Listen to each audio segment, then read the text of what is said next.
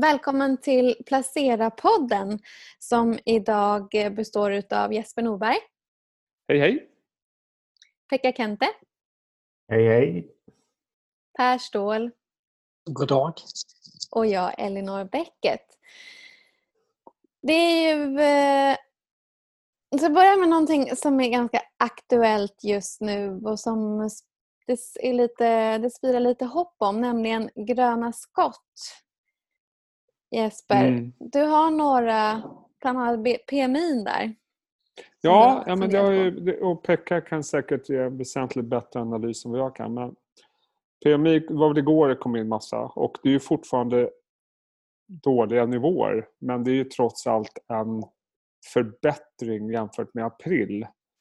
Och får vi se den trenden fortsätta framöver, då är vi ju någonting, då, då kan man ju börja drömma igen om en ekonomi som vänder upp. Och det här är ju intressant ur många perspektiv så vi kan komma tillbaka till lite grann utifrån värdeaktier och sånt där. Men eh, jag tycker ändå att det, det är visserligen en vändning från väldigt låga nivåer men det är trots allt en vändning. I alla fall den här månaden. Och så som länderna öppnar upp nu runt om i Europa om det inte händer någonting dramatiskt så borde väl den vändningen fortsätta även i juni? Eller vad tror du Pekka? Jo, absolut. Eh, problemet med, med, som du redan var inne på, det är ju att det är ingen som riktigt kan tolka de här siffrorna. Att det skulle bli en uppgång var jag i princip alla överens om. Mm. Om man går från en katastrof, går från katastrofsiffror så fanns det bara en väg uppåt. Det, det, men det finns en stor osäkerhet kring hur man ska tolka det. Det enda man vet är ju att det är uppåt. Och eh, jag trodde väl eh, kanske att majsiffrorna skulle tas emot lite mer positivt än de gjorde. Men eh, det är väl också ett tecken på att eh, analytikerna har svårt att se, eh, ja, se vad de här siffrorna ska leda till framöver. Mm. Ja, verkligen. Och, och om man då, nu är den här krisen väldigt unik på alla sätt och vis men hur, eh, liksom, hur duktiga har de här PMI-siffrorna varit på, i tidigare kriser? Vet man, kan man liksom säga någonting om det? Ja, nej, men alltså PMI har ju varit eh, jätteduktiga både på att, så att säga, inte kanske förutse men i alla fall eh, beskriva förloppen. Och det här är väl lite mer åt vad ska man säga, naturkatastrofhållet.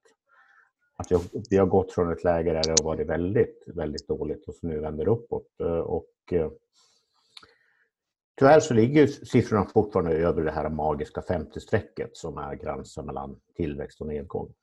Men, eh, Frå, frågan är ju hur det ser ut om... Alltså det blir, egentligen blir det väl som mest intressant att se de här siffrorna när vi har kommit in i hösten. För nu har vi, som du säger, vi, vi kommer från liksom ett, ett katastrofläge med eh, historiskt katastrofala PMI-siffror. Så vändningen uppåt var kanske oundviklig. Men frågan är om det blir liksom en sån här... Och sen kommer sommaren då aktiviteten alltid är lite lägre. Vi vet inte vad som händer, som du var inne på, osäkerheten är hög. Men kan vi se en, en, en höst där PMI-siffrorna inte backar tillbaka för mycket utan är liksom, då, då tror jag man kan börja drömma om en bättre tid. Jag, jag, jag skulle säga jag, jag, tror att marknaden hoppas på att få se eh, siffror över 50-strecket redan i sommar. Du tror det? Ja. Som sagt var, det är ju en tendensundersökning och det är ju liksom bättre eller sämre som man ska svara på.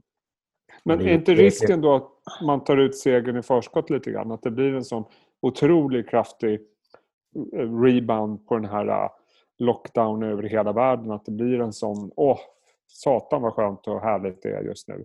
Och sen kommer man in liksom med era ja, nu måste vi ta tag i de här problemen också. Lite mm. längre fram. Att, att det blir en baksmälla mot hösten. Jo, nej, men den risken finns absolut. Och det såg vi till exempel i kinesiska PMI-siffrorna. De startade upp tidigt här och de lyckades ju komma över 50-strecket i alla fall för industrin i, i, i mars redan. Men sen sjönk de ju tillbaks i april. Så att det, det är klart att det finns en oro för att vi får en snabb uppstuds och sen kommer verkligheten i fatt industriföretagen och mm. tjänsteföretagen. Men jag tänkte på en sak Pekka, när vi, vi, när vi poddade med Javeus förra veckan. Han var ju så jäkla... Han överraskade oss rätt så mycket, men han var så bullish, tyckte jag. På många plan. Men, men det som slog mig, det var när du frågade när han sa att i januari mådde inte han särskilt bra. För då var vi i slutet på en superlång cykel. Sju, åtta, tio år har vi varit uppe i, som han sa. Men nu ser han mycket mer positivt som nationalekonom eller makroekonom. För att nu är det fem eller sju år cykel som, står, som ligger framför oss. Hur känner du på det? Är det inte lite om PMI är ditt eller datt i höst? Är det inte att man ser att nu får man fem eller sju år till av tillväxt? Det såg man inte i januari. Då, då liksom var vi på väg, liksom sluttampen på den här tillväxten. Ja, det där är ju alltid svårt att dra ut kurvorna så där långt. Men det är väl klart att ja, eh, jag såg idag någon siffra på att amerikansk BNP skulle falla med 38 procent under det andra kvartalet i år. Vilken är en helt absurd siffra. Och det är väl klart att eh, faller den med 38 procent så från den nivån så kan vi säkert ha en, en, en ganska lång tillväxtperiod. Eh, jag är mer nervös för liksom vad som händer i höst, precis som Jesper. Eh, hur, hur, hur ser verkligheten ut eller efter, corona, efter att coronakrisen förhoppningsvis är över? Det är ingen som vet. Det är det som är det himla besvärliga. Alla sådana här ekonomiska modeller och kalkyler de har ju havererat kan man ju säga. Mm. Och, och, och, om vi tar oss då från spirande optimism till eh, gammal, gammal huvudvärk. För nu börjar liksom andra saker än coronakrisen segla upp här på agendan. Vilket man väl kanske inte har gjort under den här perioden. Till exempel Kina, USA. I morse fick vi ju reda på det här med att, eller om det var igår kväll, att eh, man vill eh, att Hongkong kanske överhuvudtaget kanske inte kan vara det här finansiella centret det har varit för att Kina vill lägga på de här reglerna. Eh, vad tänker ni kring det? Alltså, man kan ju på något morbid och sjukt sätt säga att det här också är ett grönt skott. Eh, för det är ju trots allt så, vi har levt nu i en period där det varit i princip total radiotystnad kring alla andra nyheter. Och bara det faktum att vi nu börjar dyka upp de här gamla huvudverken vi hade igen. Kina, USA, Hongkong, Kina, EU börjar bråka med varandra. Ja, det har vi varit med om förr. Det är inte kul på något sätt givetvis men, men det är ändå... Är det ett sundhetstecken? Någon, nej, men alltså det är någonstans ett litet steg tillbaks till det normala om du förstår vad jag menar. Att, att det, det liksom finns utrymme för att prata. Sen är ju många av de här äh, konflikterna givetvis kopplade till corona. Jag tycker till exempel hela den här äh, extremt tröttsamma diskussionen nu att det börjar blossa upp ett, ett äh, globalt konflikt om vem som ska få vaccin först och sånt där. Det är ju extremt eh, motbjudande kan jag tycka. Att, att eh, eh, vi är på den sandlådenivån. Men, men det är trots allt, det, det kommer ju upp nyheter nu som vi inte har sett på väldigt länge. För det har ju fasiken inte varit någon annan nyhet. Och hur, hur apropå då den här ehm, eh, racet med vaccinracen och vem som ska få vad och hit och dit. Hur, eh, hur, hur, hur kommer det bestämmas? EU till exempel, hur fördelar man liksom och beroende på bolagen vilken hemvist alltså just, Vad är det som bestämmer nu, vem som får? Just nu känns det ju bara som att den som ger mest pengar, nu, nu är det på något sätt, jag menar USA bidrar massa pengar till Astra och de bidrar massa pengar till Sanofi och en säger när vi får fram det så kommer det hit först och så vidare. Så jag har inte en aning om hur det här ska fördelas men, men vi kan konstatera att det kommer att dröja väldigt lång tid innan eh, vaccin finns i så pass stora volymer att vi kan eh, ge det till varenda kotte på jorden. Eh, jag vet inte, jag har ingen aning. Men jag tycker diskussionen är jäkligt deprimerande att man inte försöker redan nu ha någon internationell coronapanel som kommer fram till sånt här. Utan nu är det en tävling. Mm. Ja, och då är det extremt olyckligt att WHO, WHO blir så hårt ansatt av Trump just nu. Och det har väl också, tror jag, i förlängningen med vaccinfrågan att göra. Ja, Annars skulle det vara natur, naturligt att WHO styrde upp det här på något sätt. Det borde vara så. Mm. Eh, så är det klart. Och eh, om vi pratar lite flöden då, Per? Jag har stängt av ljudet tror jag. Mm. Ah, nu är jag på. Ja, eh, jag har dålig mottagning, jag märkt. Eh, Vi hör flöden dig. Måste... Mm. Ja, ni gör det. Eh, ja, nej men det är ju... Du vill ju prata tillväxt och värdeaktier sen, eh, förstår jag, eh, Jesper.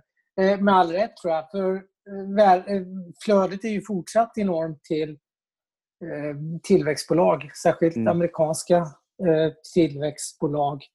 Det, det, är ju ett, ett, inget sinande flöde, det är ju ett otroligt inflöde av till teknikfonder just och ja, tillväxtbolagsfonder, eh, förvaltare som har en tydlig tillväxt tilt. Och det har vi ju sett här hemma. Du har ju pratat om Sinch flera gånger med mm. förvaltare de senaste veckorna. En, en riktig eh, tillväxtaktie av något. Eh, det oroar väl mig lite. Jag vet inte, du eh, eh pratar om det, för nu är det ju rekordstort gap. Både, både flödesmässigt till amerikanska aktier och ut från Europas aktier. Det var, jag tror att det är största gapet sedan 2012.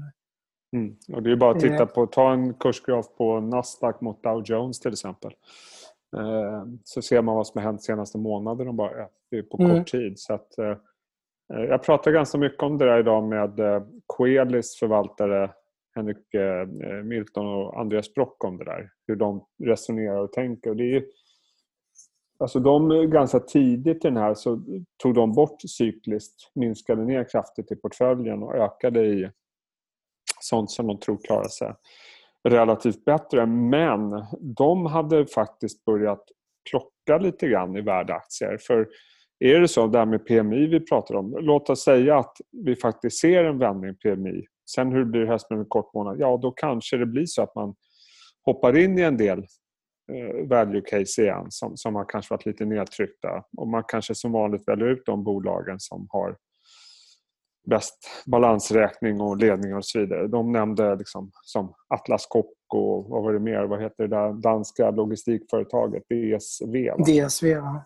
Mm. Som de hade köpt som de tyckte liksom kunde vara intressant på de här nivåerna. Att det kanske blir, vi, vi får se ett flöde som börjar plocka upp en del av de här äh, värdeaktierna. För å ena sidan om man tar teknikaktier, ja, det finns ju jättemånga fantastiska teknikaktier som är förtjänta av höga värderingar. De hade köpt Amazon bland annat så vidare, som har så pass stora bolag men ändå så pass hög tillväxt. Sen är det ett antal teknikaktier som förmodligen har fått alldeles för höga värderingar.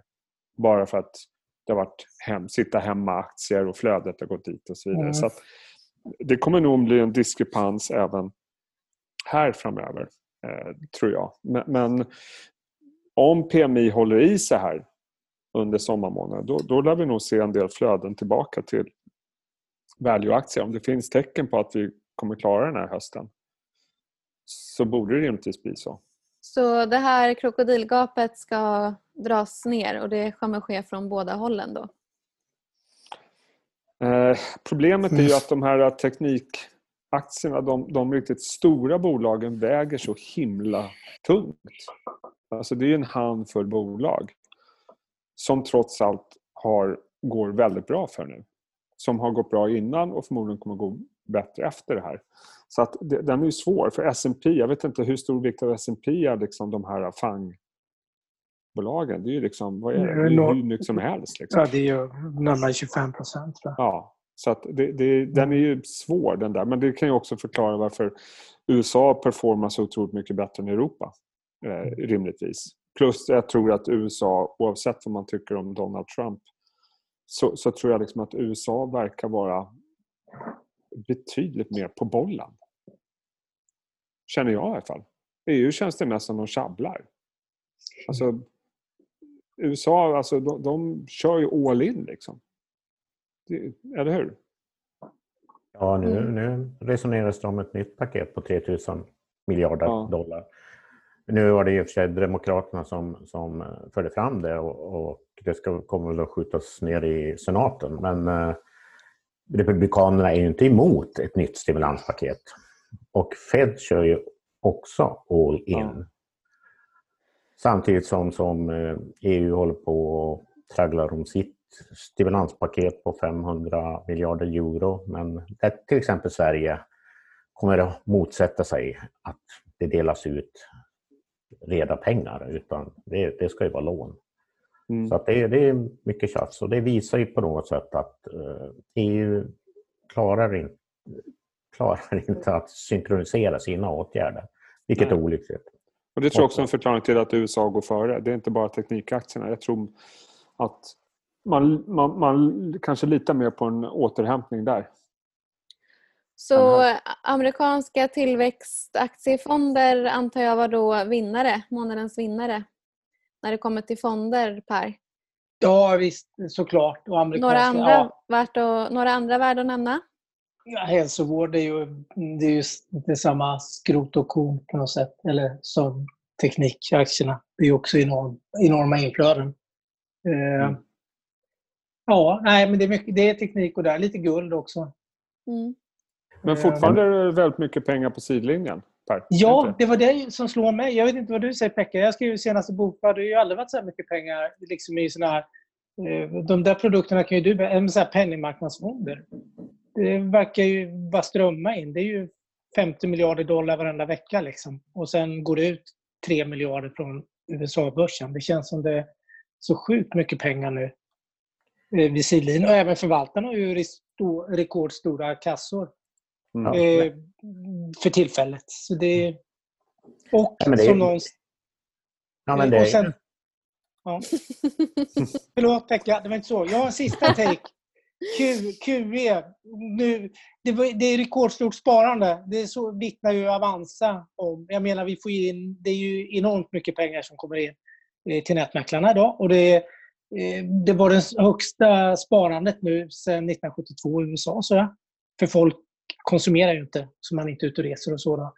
Det var, det var faktiskt eh, eh också Bofa Mary Lynch. De, var och de sa att det finns en bra reserv nu ifall konsumtionen kommer igång. Det blir en riktig QE-spruta utan dess like. För det är, så, det är, man har rekordmycket kapital, de som fortfarande har jobb. Eh, nu Pekka, mm. förlåt. Blir... Nej, men alltså, jag tycker att, att att det är mycket pengar på sidlinjen är, ju bara en bekräftelse på den stora osäkerheten som, som i princip alla analytiker ser inför framtiden. Eh, sparandet, ja, det, folk kommer ju konsumera definitivt mm. mer när, när karantänsåtgärderna släpper och sådär. Men eh, man, man kan ju resonera, vad betyder det här för de här stora eh, eller handelsgrupperna, alltså bostäder och bilar. Alltså hur kommer folk att resonera? Kommer man att köpa en ny bil i höst bara för att man har sparat? Eller kommer man de facto att, att hålla i slantarna hårdare? Det, det där är en jättestor fråga inför, inför hösten och inför ja, de kommande åren egentligen. Mm. Och å andra mm. sidan då Per, eh, vilka är på förlorarsidan? Brasilien och Latinamerika? Ja, ja men det är ju det är precis det, vad heter det, Jesper tangerade. Länder som har mycket mer värdebolag. I Europa har vi då Londonbörsen som är väldigt tung. Den har dels väldigt mycket stora energibolag Den har stora råvarubolag. Och sen har de ett antal stora globala banker då, som inte har varit särskilt eh, populära. Eh, den är ju enormt nedtryckt. Och Brasilien också. Där har du både oljepriset och corona regeringskris. Du kan fylla på Pekka. Det är, allt är väl bara fel där för tillfället känns det ju som. Dåliga råvarupriser och ja. mm. överbelagda sjukhus och man har hanterat coronan eh, kanske lite väl slapphänt vad jag har läst. Men jag, jag vet inte. Så det är, och även fastigheter har gått ner globalt. Det har ju varit en liten daling under många år nu. Och det kan inte bara på Stockholmsbörsen det har varit utan även globalt så har det gått ner. Amerikanska fastighetsaktier har haft det riktigt tungt nu eh, senaste månaden, även globalt i Hongkong och den typen av stora finanscentra. Det som jag tyckte var intressant i vår genomgång som vi gjorde i utblick, det var ju att danska börsen faktiskt är upp i år som en av få. Det var väl bara Libanon också, men det, det är väl en, ett väldigt specialfall. Den är ganska läkemedelstung, eller? Ja, mm. det är de som drar. Mm. Novo. Mycket Novo. Eh, du var inne och, och, och nosade lite på det där med oljan. Den gick ju ner ganska mycket sen igår i alla fall på det här eh, med Hongkong och Kina. Men eh, den har ju ändå eh, stigit ganska bra och det brukar ju vara en ganska bra mätare på vad man tror om framtida konjunktur. Vad, vad kan man säga om oljepriset nu? Är det oväntat att det hämtade sig så snabbt? Det var ju inte så länge sedan VTI-oljan var på minuspriser. Nej, oväntat kan man inte säga. Eh, så som jag läser det så är väl det att dels har, har ju de här produktionsneddragningarna haft eh, en viss effekt. Alltså överutbudet av olja har minskat. Och sen att amerikanska producenter faktiskt också visade tecken på att följa med. Och för första gången någonsin tror jag att Norge också eh, följde alltså OPEC-rekommendationen att, att skära i produktionen. Så att det är väldigt många det är väldigt många som har gjort lite oväntat när det gäller oljan. På producentsidan i alla fall. Sen, sen tror jag inte att oljepriset kommer liksom dra iväg till 50 dollar fatet. Det, det förefaller högst osannolikt. Det är fortfarande en jättestor överproduktion. Ja, det är det eller jättestor, men, men det är en överproduktion och eh, ganska välfyllda lager. Även fast de inte var lika välfyllda som man kanske trodde. Så eh, det ska väl hålla tillbaks en oljeprisuppgång framöver. Eh, och det var som sagt, eh, apropå Kina, det var ju, förlåt, det var, det var det det var. Det var utblivna tillväxtmål i Kina som fick oljepriset att gå ner. Inte Kina-Hongkong. Eh, Eh, men eh, vad ska man säga om det? Det var första gången på ruskig massa år som Kina inte har något tillväxtmål för året. Ja, första gången sedan 1990 tror jag det var att man inte hade satt något tillväxtmål. Och det är väl ganska förståeligt. Eh, det har ju, det har ju tolkats väldigt negativt på marknaden. Det, det, det ska säga någonting om att kinesiska politiker inte riktigt har kontroll på läget kan vara en övertolkning. Eh, men eh, sett till eh, hur coronaförloppet är, inte bara i Kina, eller egentligen exklusive Kina, hur det ser ut i världen. Det påverkar dem jättemycket. För det är fortfarande så att det är en stor exportnation och PMI-siffrorna gick ner i aprilmätningen. Det var väl en varningssignal. Mm. Och eh, ja, och, och, och, om vi då går tillbaka till, de här, till EU och pratar lite stimulanspaket. Det som du, som du sa Jesper, det är mest käbbel. Och där är ju Sverige en av de som eh, ställer sig på eh, nej-sidan. Och man vill inte ha några stora stimulans, eller rättare sagt man vill inte ha stora stimulanspaket som inte är lån till de här mer drabbade länderna som inte har lika bra ekonomier som vi här uppe i norr. Eh, hur eh, ser utsikterna ut för de här stimulanspaketen egentligen, Pekka? Jag, jag tror att de kommer att gå igenom i någon form. Eh, det, det, blir väldigt svårt att hålla emot när Angela Merkel faktiskt finns på ja-sidan för första gången. Eh, ja, och, och jag, tror att, jag tror att av självbevarelsedrift så borde Sverige vara positiv till att de här stimulanserna genomförs. Eh, annars, så är det, annars får vi lida av det. Vi är en liten öppen ekonomi med stor export. Europa är vår överlägset största marknad. Det är klart att vi ska hjälpa dem. Men det kommer ju det... bli en konflikt längre fram. Någon gång måste, kommer det liksom... Tror inte det? Att det konflikten, men det kommer ju bli något. Vi har pratat tidigare om Ungern och nu norra Europa mot Sydeuropa. Alltså, det känns ju som att EU har en hel del strukturella problem att hantera de kommande åren. Definitivt. Och, eh, men det här, var ju, det här är ju en konsekvens till exempel av att vi införde euron. Vi måste ju få en mer, eller de länderna som är med där måste ju få en mer synkroniserad finanspolitik för att mm. euroområdet ska fungera. Så att eh, det är väl snarare så att de här länderna som är anti, alltså Sverige och eh, ja, några länder till, Nederländerna, och Österrike också. Ja, ja, vad ska man göra? Liksom? Ska man vara med i euron eller inte? Är det, är det inte vettigt att stötta de här svaga ekonomierna i, i det här läget? Sen, sen kommer det här vara en ständig diskussion eh, alltid. Eh, varför ska vi betala pengar till Polen och Ungern som inte följer reglerna eller som inte är beredda att ta sitt ansvar i flyktingfrågan? Ja visst, det kommer att vara en, en diskussion som kommer att förfölja oss under överskådlig tid. Men det är klart att vi måste på något sätt hjälpa de här ekonomierna som Spanien och Italien, Grekland i, i det korta perspektivet. Någon, något an, någon annan lösning säger jag inte. Nej. Mm. Mm. Även fast Ja. det svider kanske. Mm. Eh, Men igen, jag tror amerikanska aktier kommer vara mer populära än europeiska aktier under ganska lång tid framöver. mm. Tror du också det Per? Eh, ja, det, det gör jag. Det är ju så tydlig tillväxt i många, i många branscher och underbranscher. Så, eh, tyvärr ska jag inte säga, men jag tror att det är så.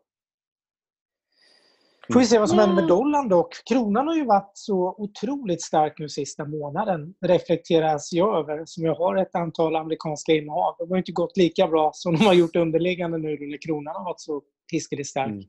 Tycker jag. Vad, har ni några reflektioner på det? Eller? För det var ju ingen som pratade om kanske för fem sex veckor sedan att eh, kronan eh, skulle komma mm, tillbaka så mycket mot dollarn framför allt. Vad säger du Pekka? Nej, men alltså det, det, som kan, det jag kan konstatera att kronan bottnade den 23 mars. Precis samtidigt som den svenska börsen och flera av världens börser. Så det är en riskaptit som, har, eh, ja, som eh, gynnar svenska kronan. Flöden tror jag. Sen ska vi inte glömma en sån sak som att det blev mindre utdelningar i år från svenska företag. Det är 40 procent av börsen ägs ju trots allt av utlandet. Så. Så att det har inte funnits de här vad ska säga, mer substantiella strömmarna av, valuta, av kronor ut. Eh, Så länge risk, riskaptiten håller i sig så kommer troligtvis kronan att gå hyggligt. Mm. Och så länge Riksbanken håller fast vid att negativa räntor är dåligt. Det är ju ett bett på att man inte tror att det blir några negativa räntor. Allt- Så tolkar jag det, eller? Ja, Att vi inte kommer komma tillbaka dit. Det, det är svårt. Nu kan man gå bet på Riksbanken på många sätt eh, och det har väl jag också gjort tidvis. Men eh, analytikerkåren är överens om att negativa räntor är kontraproduktivt och korkat. Och den analysen tror jag också att Riksbanksdirektionen gör just nu. Mm. Kontraproduktivt och korkat. Mm. Eh, Där har du rubriken Elinor. Ja. ja, Kan vi precis. säga placera podden kontraproduktiv och korkad. Okej, okej. Mm. Eh, men eh, med det så kan vi väl säga trevlig helg. Trevlig helg. Trevlig helg. Ha det bra. Hej då! Då. Hej då!